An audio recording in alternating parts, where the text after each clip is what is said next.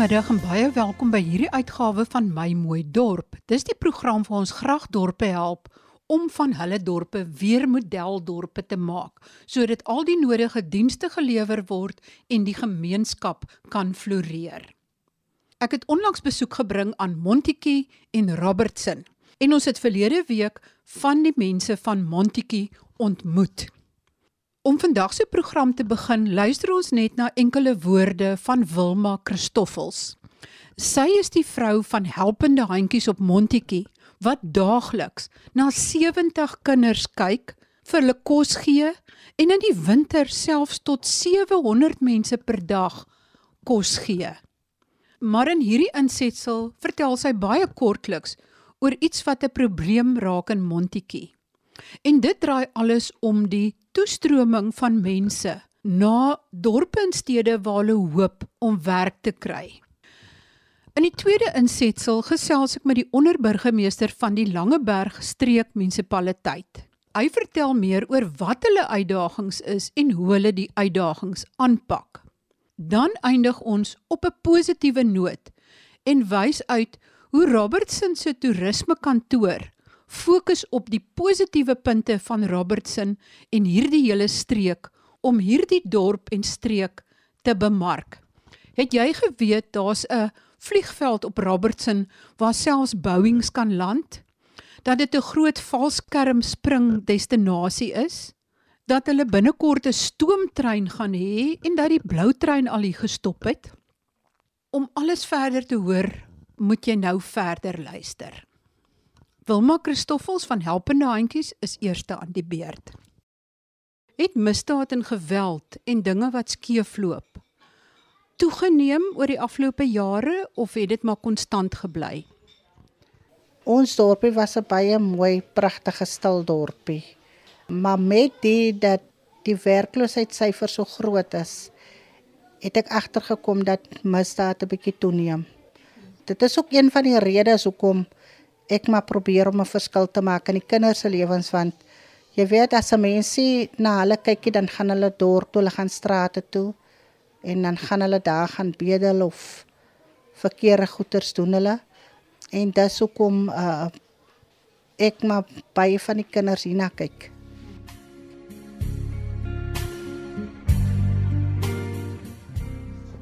Ek gesels nou met meneer Johnny Steenkamp.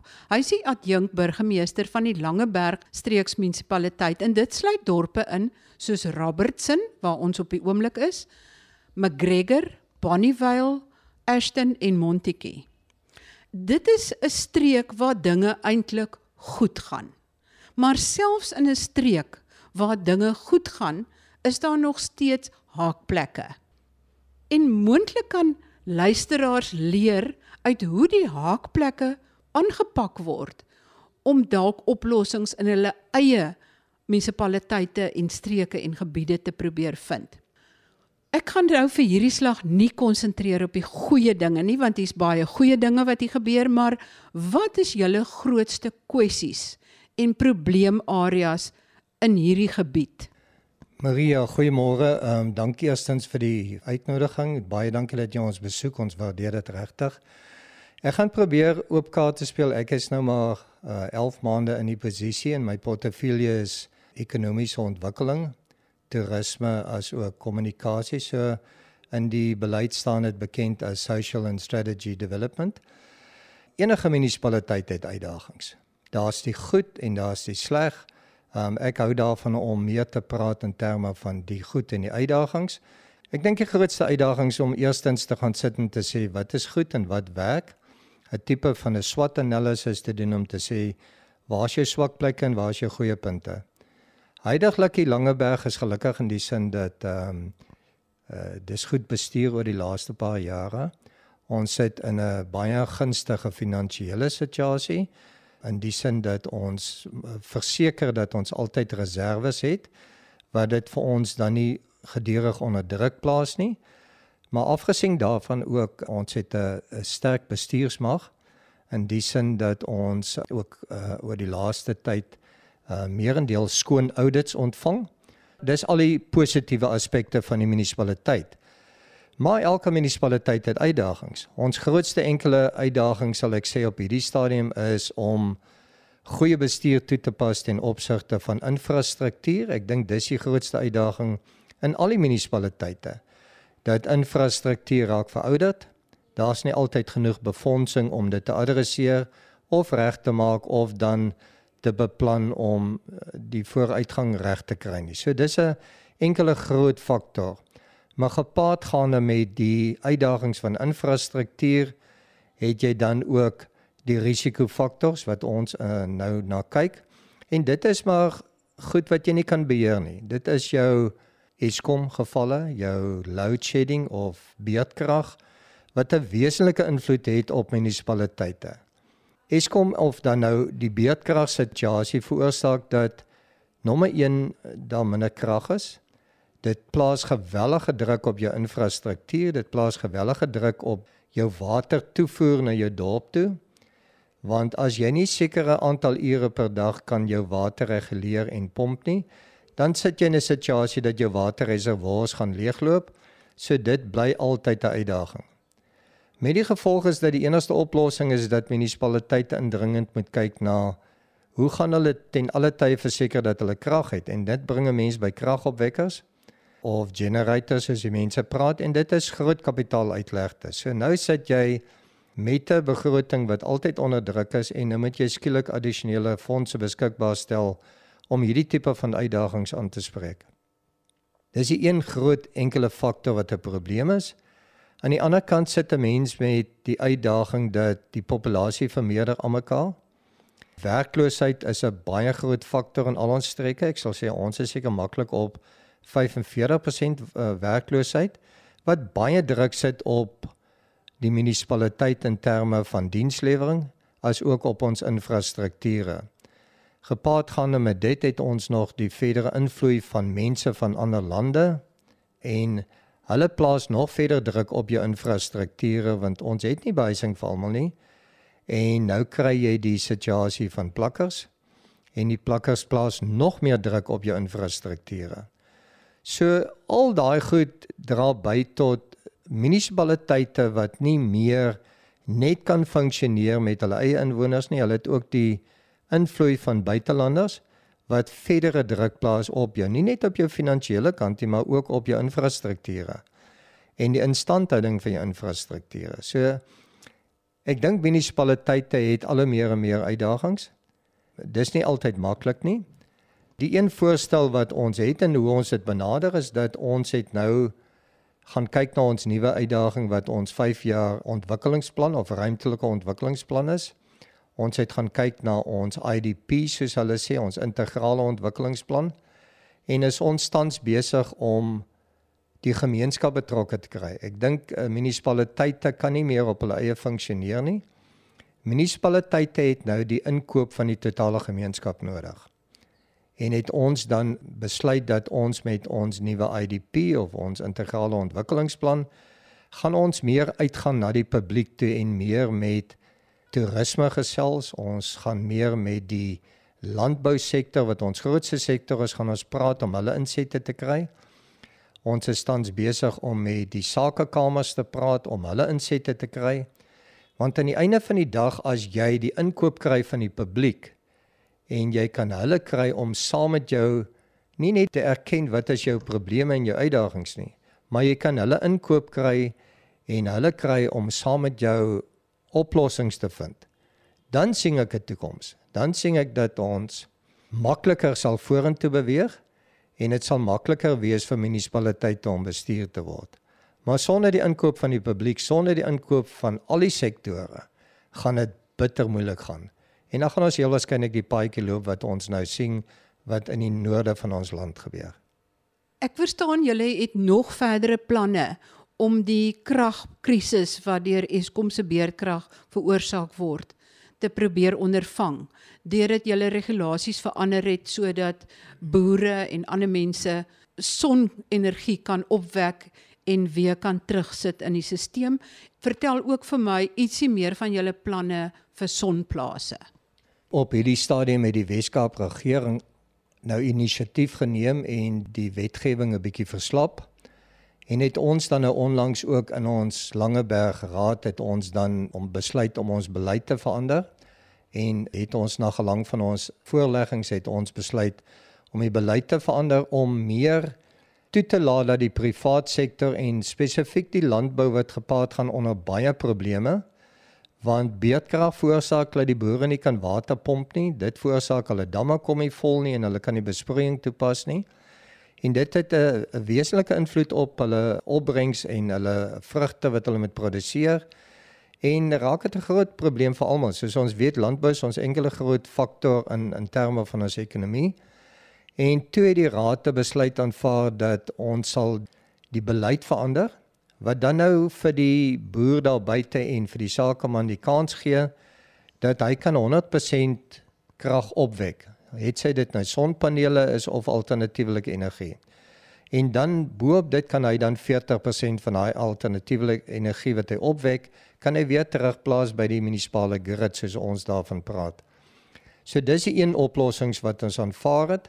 Verder het die raad gekyk na wat is ons status quo ten opsigte van krag, wat dit benodig ons en wat gaan die toekoms vir ons inhou met moontlike uitbreidings en ontwikkelings en hoeveel krag het ons nodig?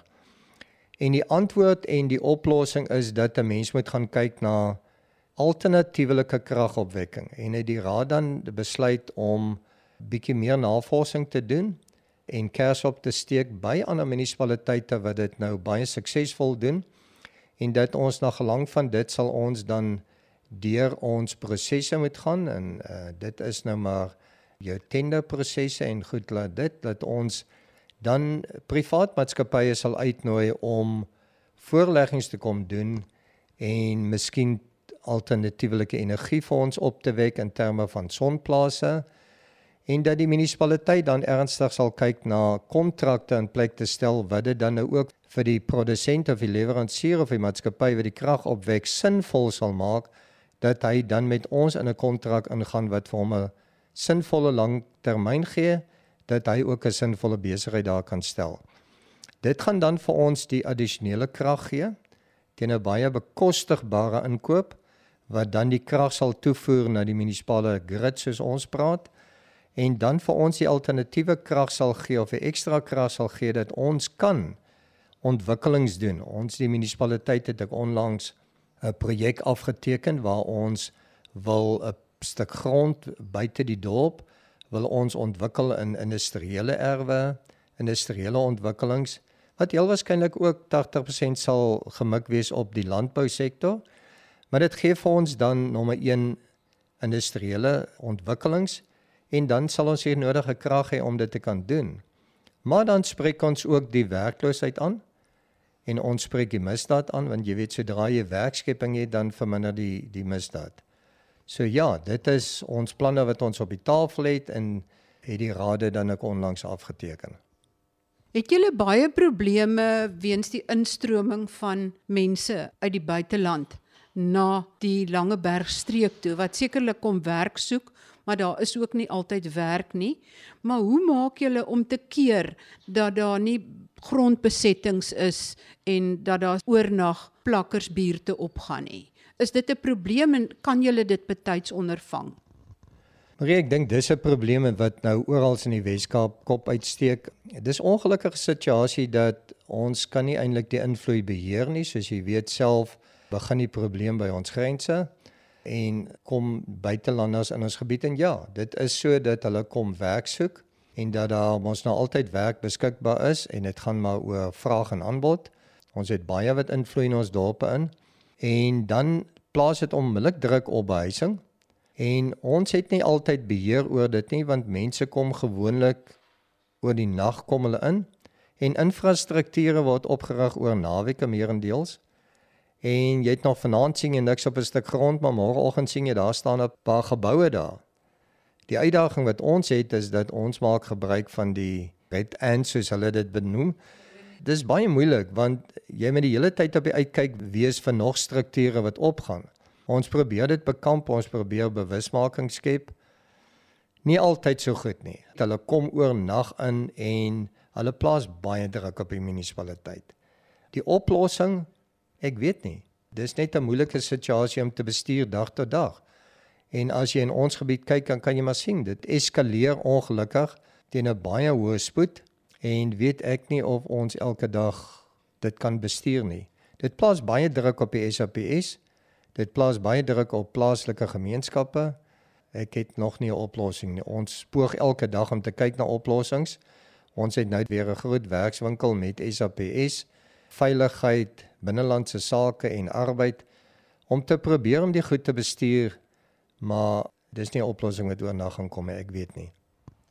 En dan veroorsaak dit sekerlik ook wrywing tussen die buitelandse mense wat inkom en die plaaslike gemeenskap. Ja, dis verseker so. Dit plaas wrywing, die plaaslike gemeenskap beweer dat werk word weggevat van hulle af, wat ook nie altyd so is nie.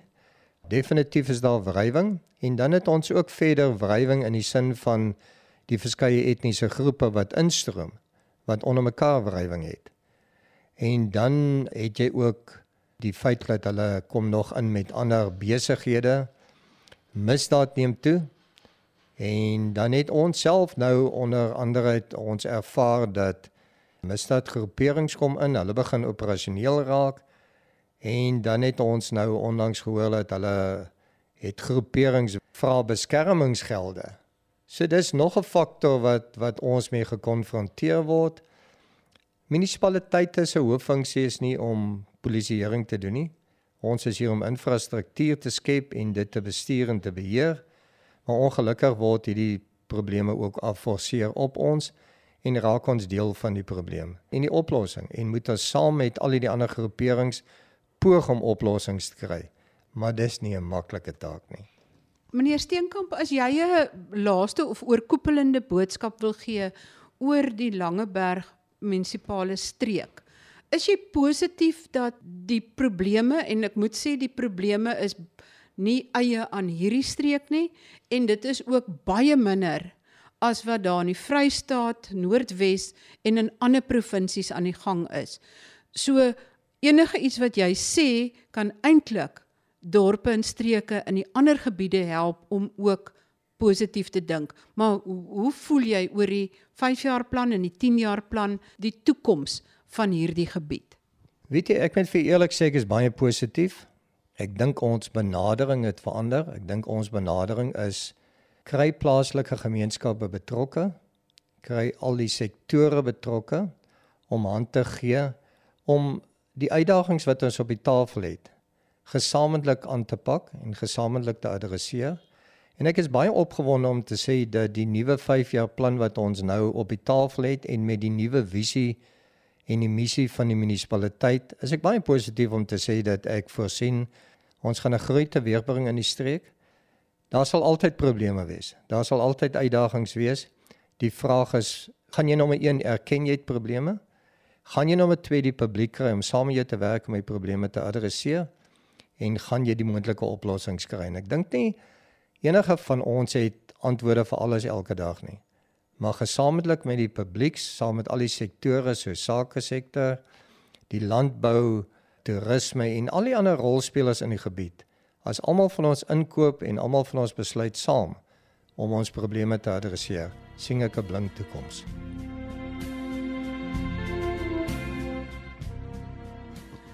Ek gesels nou met Renate Leroux. Sy is hoof van die toeristekantoor in Robertson en Bonnievale en dit is deel van die Langeberg munisipaliteit se streek. Renate, ek het gehoor julle is besig met baie interessante planne. En een daarvan behels plekke waar mens kan trou en die blou trein. Vertel vir my bietjie meer daarvan. Robertson as troubestemming is ons is al 4 jaar met daai projek besig en is besig om baie vrugte af te werp. Ons is baie opgewonde en dit lok verskriklik baie mense na ons vallei toe. Almal moet oorslaap, almal moet hulle karre vol petrol maak, hulle moet eet, hulle moet wyn proe. Die ripple effek van so van elke troue strek baie ver. Die gastehuise moet meer mense inneem om skoon te maak. Ons is baie maklik baie naweke vol geboek as gevolg van troues. Ons sal definitief aanhou om Robertson as, as die ideale troubestemming te bemark. Die blou trein, jy het reg gehoor, ons het al besoek gehad van die blou trein in nou onlangs in September. Dis nog baie harde werk, daar's nog maande se werk wat voorlê om dit 'n permanente stop te maak vir die blou trein. Maar ons kry ook ons eie stoomtrein, so dis ek wil amper sê nog meer opwindend want die stoomtrein gaan permanent op Robertson staan. In die begin gaan hy naweke loop. Jy kan op die trein wyn proe en daar's 'n restaurant op die trein.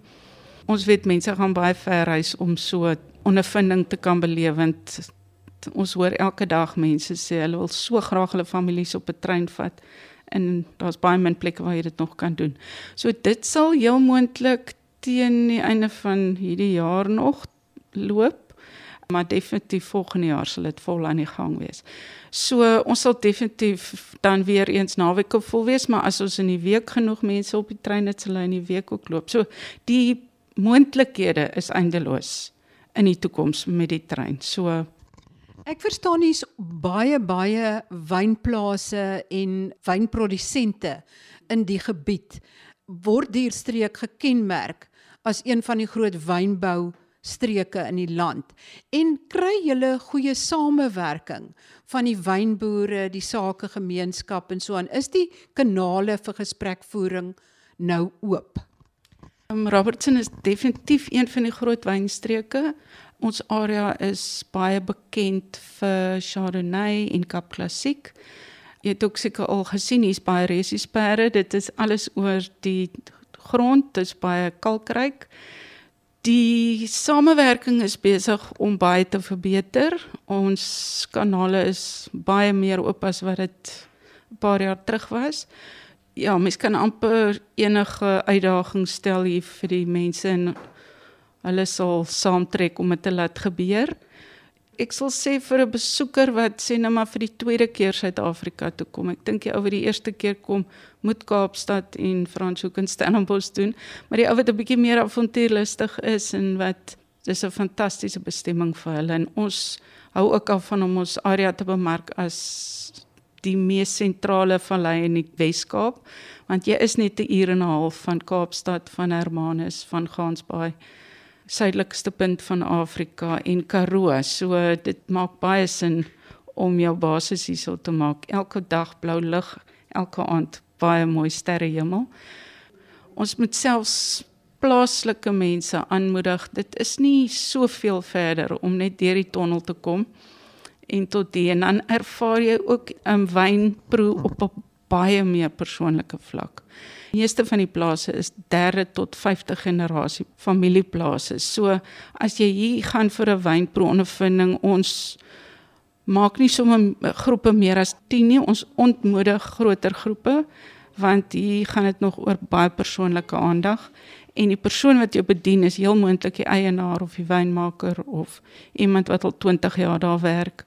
So een van ons plase het verlede week een van die great wine capitals of the world toekennings gewen. Ehm um, wel tevrede. Daar is net 11 sulke toekennings jaarliks wêreldwyd. So ons is baie opgewonde daaroor. So nee, hier's baie ongelooflike unieke ervarings.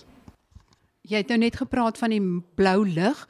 Ek het nooit geweet dat hier 'n lughawe is waar Antonovs en Boeings kan land nie en dat hier 'n baie groot en lewendige valskermspringklub is nie. Ja, ons moet dankie sê aan Graham Beck. Hy het destyds die aanloopbaan laat maak en geteer sodat hy met sy jetty kan land. Dit is al gebruik om films te maak en hier's 'n baie aktiewe vliegveld, vliegskool. Mense kan hulle vliegtye laat kom diens en aan die Westelike Provinsie Valskermklub, dit is hulle hoofkantoor so. Hulle is omtrent elke naweek as die weer toelaat, kan jy hulle hier hoor spring, ja.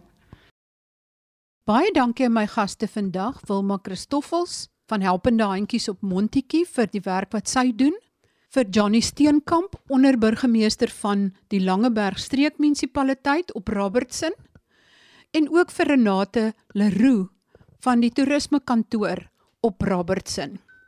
Volgende week vertel ek julle meer oor 'n baie interessante program wat in Wes-Kaap geloods is om die polisie se hande te versterk in 'n poging om misdaad te bekamp.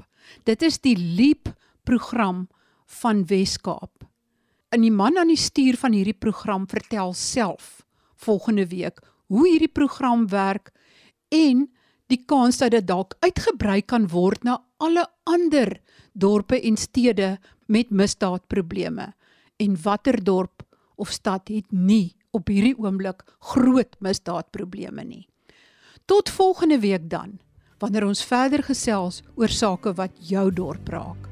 Baie groete van my, Marie Hudson.